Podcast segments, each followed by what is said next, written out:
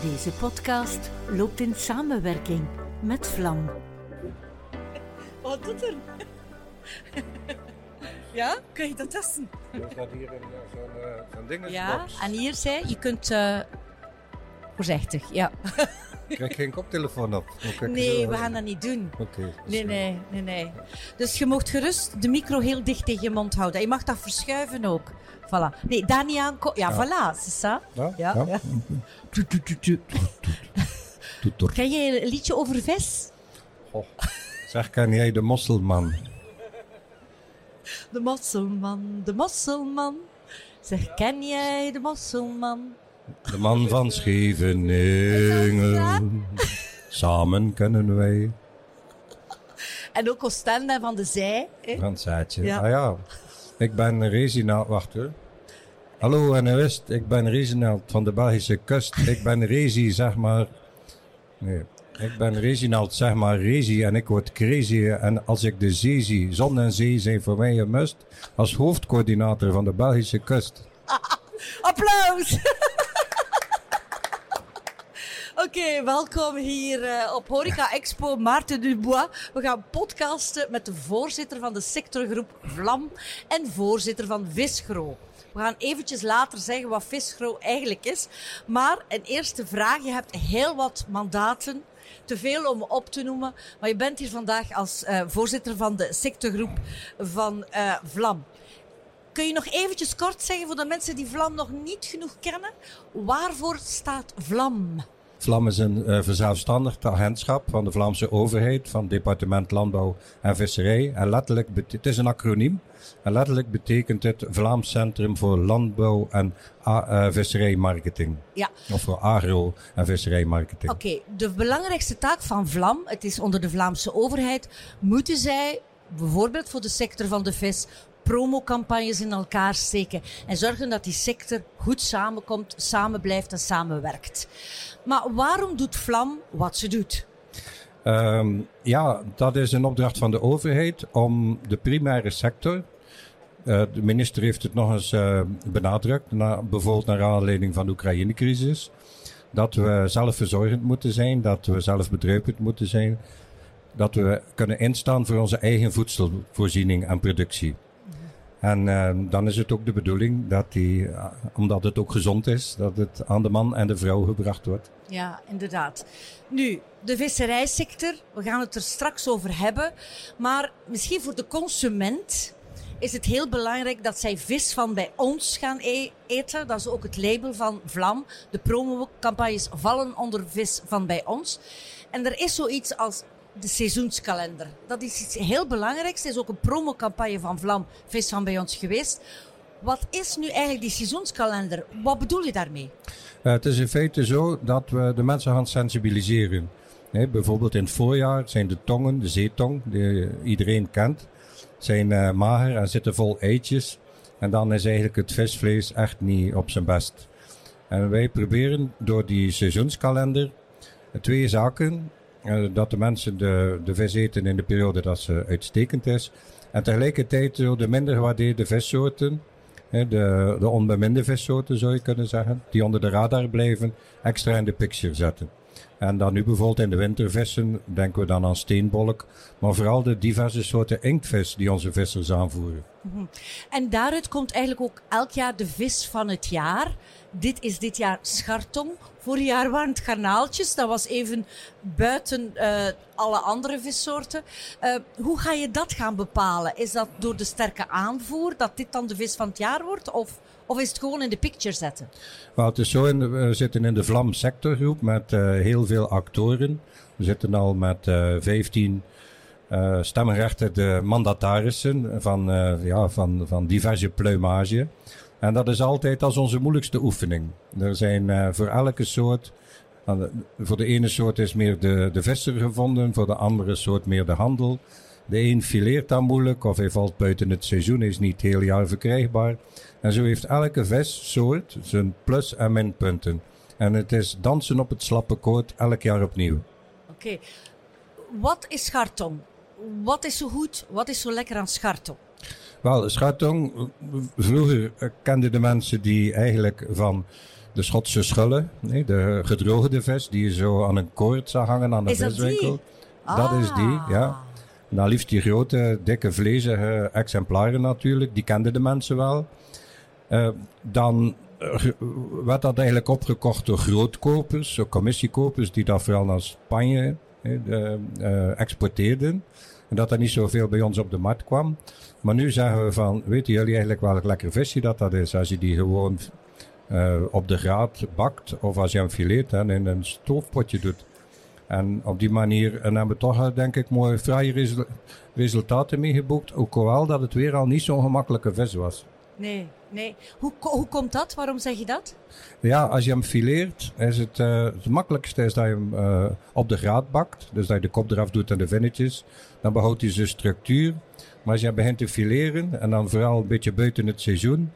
Als die, het visvlees nog wat aan de slappe kant is. En je, kan, je bent niet een beroepsfileerder. Dan kan het soms eens mislopen. En dat je een, een papje overhoudt in plaats van een mooie filet.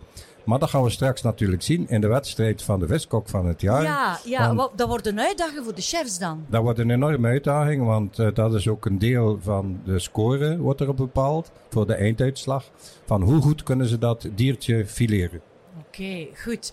Tot daar de schartong. Ik wil het terug eens hebben over onze visserijsector. En ik ga eens met jou door een aantal cijfers. Hè?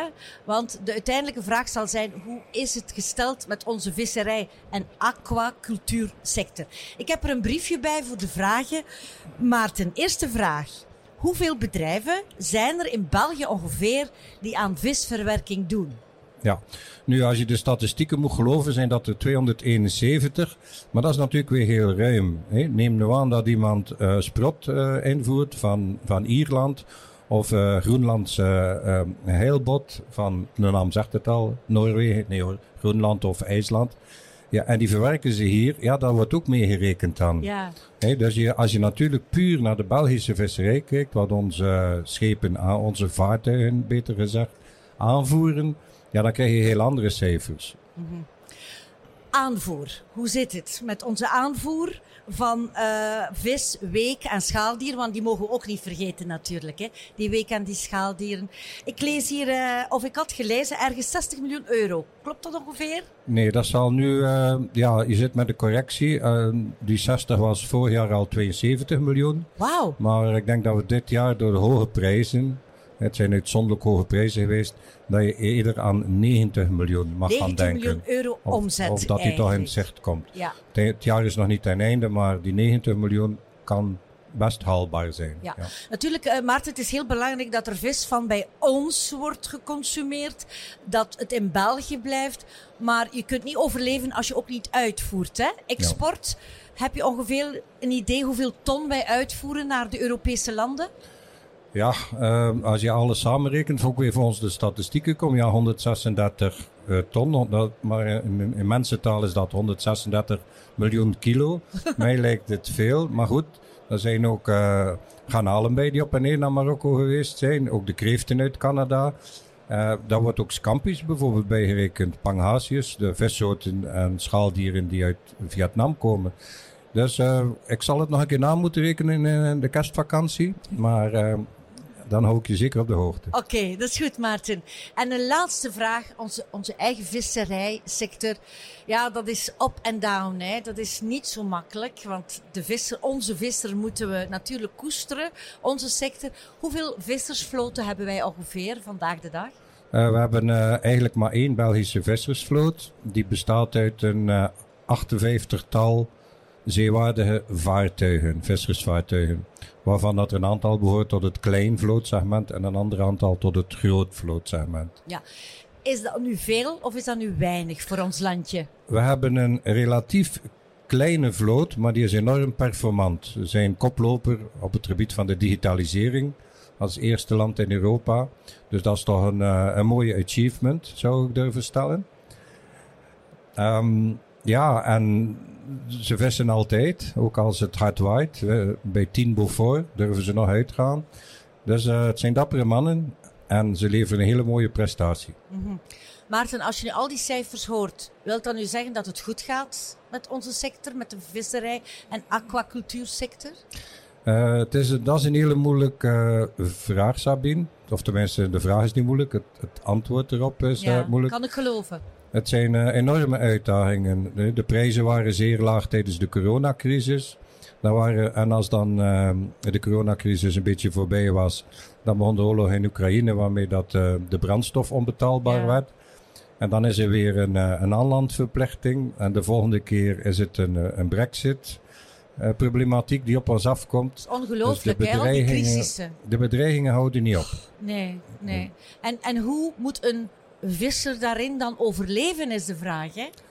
Hij moet eh, eigenlijk, als dat kan, dat moet ook, ook mogelijk zijn, moet blijven investeren in vernieuwing. Ehm, als hij dat doet, ja, zuinigere vaartuigen met een zuinige motor, Ja. met minder CO2-uitstoot.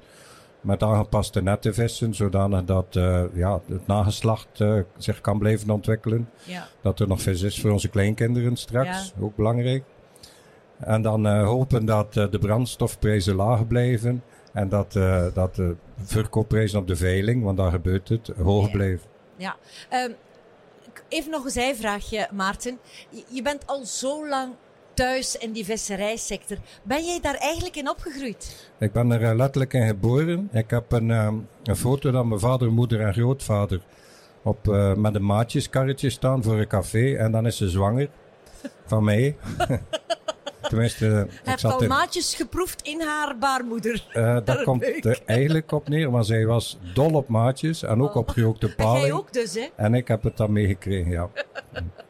Ja, eh, maar je, ouders waren dus ook vissers? Die hadden ook een eigen vloot of, of, of een boot of een schip? Nee, buiten een kruisnet had mijn grootvader eh, niks, maar ze hadden eh, zowel van moederskant als vaderkant alles. Een mathandel, ehm, standplaatsen, een palingrokerij, een hanaalinleggerij, hanaalpellerij. Al wat je kan opnoemen, en ze hebben het gedaan. Of, En, en kun je zeggen dat van daaruit jouw passie is gegroeid voor... Ik vermoed het, ja. Vermoed dat het genetisch ook- materiaal. ja, eh, maar je, ja. je ademt de visserijsector. Hè? Dat is Ja. ongelooflijk, al die mandaten. Ik heb het dus nagegaan.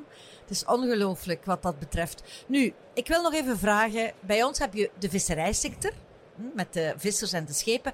Maar je hebt ook de aquacultuursector. Wat is dat precies? Aquacultuur, dat is, eh, ja, dat is ook weer iets eh, complex. hè. Het zou eh, raar zijn, moest dat niet zo zijn. Vandaar dat je een keer podcast met mij. We Ja. moeten het een keer goed uitleggen, Ja. Maarten. Aqua is water in het Latijn en cultuur, ja, dat is het, kweken, het kweken in, in water onder gecontroleerde omstandigheden. Eigenlijk als je op zee gaat, een gewone visser die op zee gaat, ja, die moet, vangen wat dat er zwemt. En eh, ja, aquacultuur, dat wil eigenlijk zeggen dat je het onder gecontroleerde omstandigheden kan, eh, gaat doen. Eh, maar dat heeft ook weer grote verschillen, want je kan bijvoorbeeld op zee, bijvoorbeeld zalm kweken op zee. Of in de estuarium, dus in een delta, kan je oesters kweken.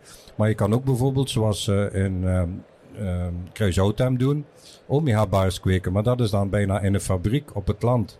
Dus je moet ook weer heel goed oppassen van, ja, is het zeewater, is het zoetwater? Is het op zee gekweekt of is het in een, in een gebouw gekweekt? Ja. Enzovoort. Maar waarom heeft men destijds daaraan begonnen, aan die aquacultuursector? Door het tekort van vissen in onze zee dan? Of? Ja, en ook de mogelijkheden. Hè. Als je eh, op een gegeven moment, waar is dat ontstaan? Ik denk eh, ergens in de Mekongrivier, waar ze pangasius en eh scampi's beginnen kweken zijn. En hebben ze gezegd, ja, als we op zee gaan, eh, kost het ons zoveel de kilo. En als we dat onder gecontroleerde omstandigheden doen, en we geven die wat groeihormonen en dergelijke, en we pompen die een beetje op, dan, eh, ja, dan komt dat goedkoper uit. Dus het zal uit prijstechnisch o- oogpunt bekeken geweest zijn, ooit. Ja. Nu, er wordt bij ons wel al vaak aan aquacultuur gedaan. Je zegt daar Kruishoutem. Zijn er nog plekken in Vlaanderen, België, waar dat gebeurt? Ja, je hebt natuurlijk de beroemde oesterputten van Jackie Puistjes in Oostende. Ja, dat is ook, hè, dat is, ei- dat is dan maricultuur. Dat is eigenlijk een onderdeel van de aquacultuur. Eh, ze kweken nu ook al zeewier in de visveiling van Oostende. Dat is de toekomst, hè, die dat is ook- zeewier. Dat is ook de toekomst. En dan heb je bijvoorbeeld ja, de, de, de kwapaal of de zoetwaterkabeljauw, lota lota, die ze kweken. Je hebt ook in, ehm, tegenaan eh, Brussel eh, van Erik, die kweekt gambas. Ehm, dan heb je ook, uh, wat hebben we nog? Dan heb je de steur natuurlijk van de Royal Belgium Caviar. Die kweken steur. Um, en dan heb ik een, aan Snoekbars is het ook nog een klein projectje. Tenminste klein, maar, maar charmant. Enzovoort. Dus ja, er zijn wel initiatieven.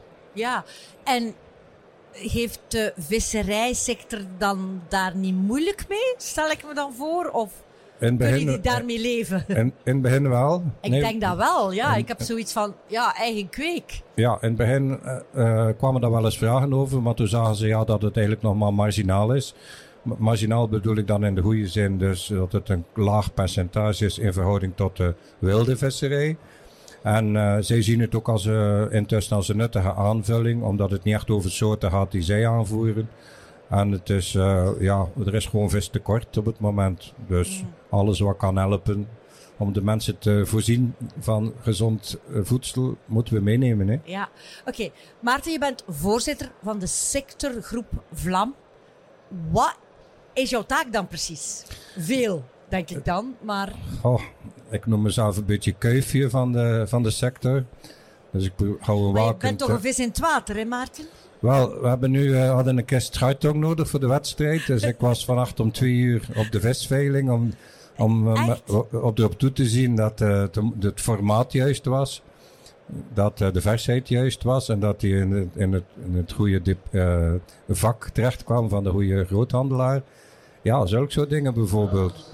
Maar ook ja, de kalender een keer nakijken of dat er daar geen onregelmatigheden in staan. Of een verkeerde foto bij een, uh, uh, bij een product. Of uh, de vergaderingen, hoe de banen leiden.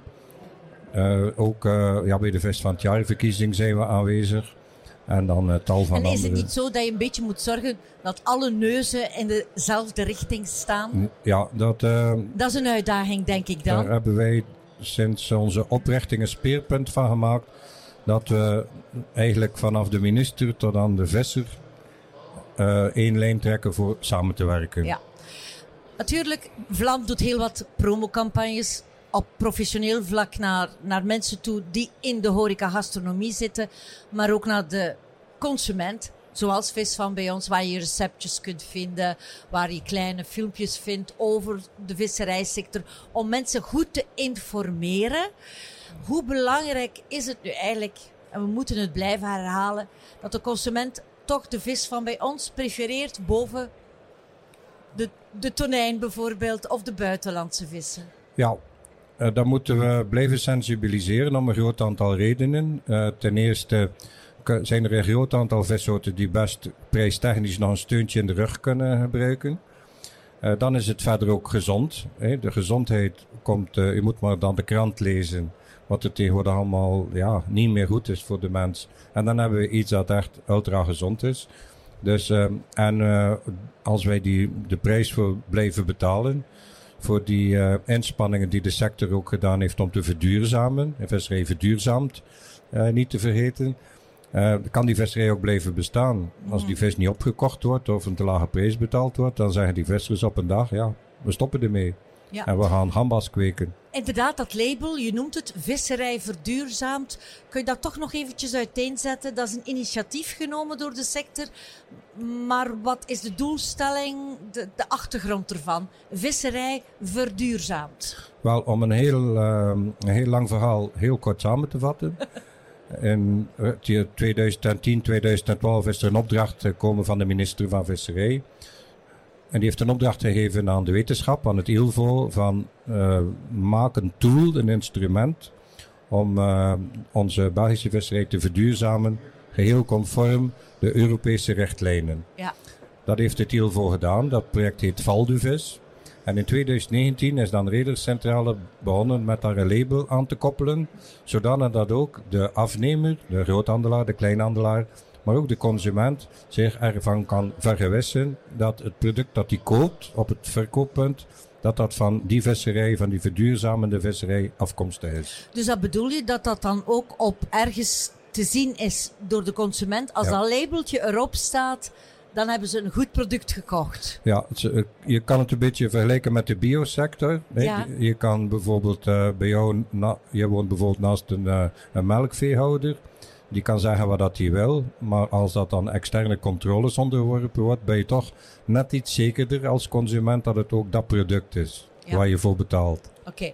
Vis van bij ons, noemen ze een paar lekkere vissen. Dat mensen echt nu misschien, in deze periode, kerst en nieuwjaar komt eraan, wat ze nu zouden op tafel moeten gooien. Of in de pan. Wel, ja. uiteraard, vis van het jaar. Ja, die, ik, ik heb hem vanmorgen bekeken. Die is ultra dik. Dus, die, en, die, eh, Schoe van vlees. en, ook, en zeer betaalbaar. Ik heb eh, vorige week zelf koolvis klaargemaakt in de oven. Dat was ook super lekker. Koolvis zeg je? Koolvis, ja. Oké, ja. goed. Dan eh, de krabben zitten boomvol op het ogenblik. Ja, dat hoor je dan natuurlijk in de wetenschap niet graag, omdat dat ja, ook grotendeels eitjes zijn voor de voortplanting. Maar ja, ze zijn nu toch dood, dan kan je ze maar beter opeten. De coquilles Saint-Jacques, die zijn top. Niet te goedkoop voor het ogenblik, dat klopt wel, maar ze zijn wel top. Ja, dat is ideaal voor kerstdiners, hè? Ja, en eh, redelijk opvallend bij de andere jaren dat de zeeduivel eigenlijk prijstechnisch gunstig ligt. Als je over het hele jaar kijkt, zit hij eigenlijk onder zijn niveau. En het eh goede van zeeduivel is een hele stevige vis. Kan je niet zo rap iets fout doen. En is ook perfect voor op de barbecue. Nu, de basis voor mij is nog altijd de kabeljauw, hè? Hoe is het gesteld met het bestand van kabeljauw? Wel, de kabeljauw is eigenlijk bij ons op... de- onze vissers voeren hem aan. En natuurlijk de laatste drie maanden van het jaar, oktober, november, december, zijn de onze op hun best. Het is natuurlijk wel zo dat onze bestanden teruglopen, vooral die in de Noordzee. Maar ja, hoe komt het? Het water warmt op. Klimaatopwarming. Dus er komen hier vissen aan. Zeebarbeel, inktvis. Die we vroeger veel minder hadden. En daar staat een prijs tegenover dat de kabeljauw noordwaarts trekt. Dus gaat het slecht met de kabeljauw? Nee, op zich globaal genomen niet. In eh, Denemarken en Noorwegen, IJsland bulkt het van de kabeljauw. Er is er genoeg, meer dan genoeg. Alleen ja, on- bij onze vissers eh, loopt de aanvoer stilaan terug. En doordat eh, ja, in de Noordzee minder kabeljauw aanwezig is, mag er ook minder gevangen worden. Een beetje een visueuze cirkel. Ja. Ik wil nog één informatieve vraag stellen, omdat ik dat zelf belangrijk vind. Er zijn zo heel veel instituten of verenigingen of organisaties die daarmee bezig zijn. Ik ga eerst eens beginnen met bijvoorbeeld wat ik vond, ILVO. Ja. Hè? Dus ik moet even spieken, want dat is een hele mond vol. Waarvoor staat het? Wat doen ze precies? Dat is het eh, Instituut voor Landbouw, Visserij en Voedingsonderzoek. Dat voedingsonderzoek dat is er onlangs eh, bijgekomen. En eh, ja, die doen allerlei soorten wetenschappelijk onderzoek. Ze hebben dus die methode Valduvis ontwikkeld voor visserij verduurzaamd. Maar zij doen ook proefvaarten om visserijbestanden te controleren. Ehm, ze zijn ook bezig met, ehm, met allerhande studies om bijvoorbeeld de kustvisserij weer in ere te herstellen. Ja. Ehm, of ze doen ook experimenten waarmee dat er met gekleurde lampen eh, wordt gewerkt. Of dat je daar bepaalde vis mee kan aantrekken. Dus het zijn echt eh, go- goede en gedreven wetenschappers. Nog een letterwoord, VLIZ. Ja, VALZ, dat is het Vlaams Instituut van de Zee. Oké. Die doen eigenlijk heel veel aan, eh, ja, dat is een beetje de, ook de bibliotheek van, van onze kust. Nee, die houden eh, foto's bij in archieven, die doen onderzoeken. Een heel mooi onderzoek is de recreatieve zeevisserij Vlaanderen. Dat, is, eh, dat is een project van hen, waarbij dat ze op vrijwillige basis eh, sportvissers hun vangsten kunnen registreren. Dat is bijvoorbeeld van het Vlaams Instituut van de Zee. Oké, goed. En uiteraard jouw eigen organisatie waar je voorzitter van bent, Visgro. Dat denk ik te maken met de groothandelaars of zo? Of Ja. de handelaars? Zo is begonnen van vis en groothandelaar en dan ehm, afgekort. Maar ook een beetje stiekem visie en groei. Daar de afkorting van. En we hebben drie pilaren, drie pijlers. Dat is eh, enerzijds het lobbywerk natuurlijk, de belangenbehartiging van onze leden. En dat zijn de vishandelaren eh, grosso modo. Maar ook ehm, opleiding en, eh, en vorming. Ehm dat doen, we hebben ook een project lopen, visserij-ambassadeur. Dat, eh, dat is een opleiding tot visserij-ambassadeur, zowel voor een eh, vishandelaar als een eh horecaondernemer. Wauw. Ja. En dan hebben we natuurlijk de promotie van het lokaal aangevoerd Belgisch eh, visserij, visserij verduurzaamd product. Dus daar ben je eigenlijk bijna dag in dag uit mee bezig, Maarten. Eh, Ik droom daar zelfs over. Ja. Droom- Hopelijk geen natte dromen. Hè? Maarten, een laatste vraag. We gaan eruit. Kook jij nog zelf wel eens? Ja, eh, ik heb eh, vannacht een paar krabbetjes s- sch- eh, cadeau gekregen voor mijn inspanningen. Dus die gaan vanavond de pot in. En vorige week had ik een prachtige koolvis van 2 kilo. En die hebben we ook, Rudy was daar trouwens bij, Ja. opgesoupeerd. Dus eh, ja, als ik tijd heb, dan, eh, en dan is het... eh, Maar Maarten, ik stel voor dat je toch ook een keer voor mij kookt. Hè? Want als Absoluut, jij eh. zo goed kunt koken, eh, mag ik dan bepalen welke vis? eh, dat mag zeker. Ik Maar zou mooie meid kiezen. Ja, de Maar heek, dat is nu niet, hè? de heek ja, die is, eh, die is, mooi, die is mooi genoeg.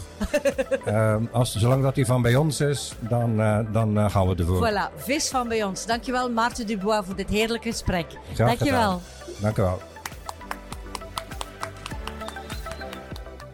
Op lekkervanbijons.be ontdek je keukeninspiratie om te koken met lokale producten. Laat je inspireren over nieuwe foodtrends en handige tips op visvanbijons.be www.be.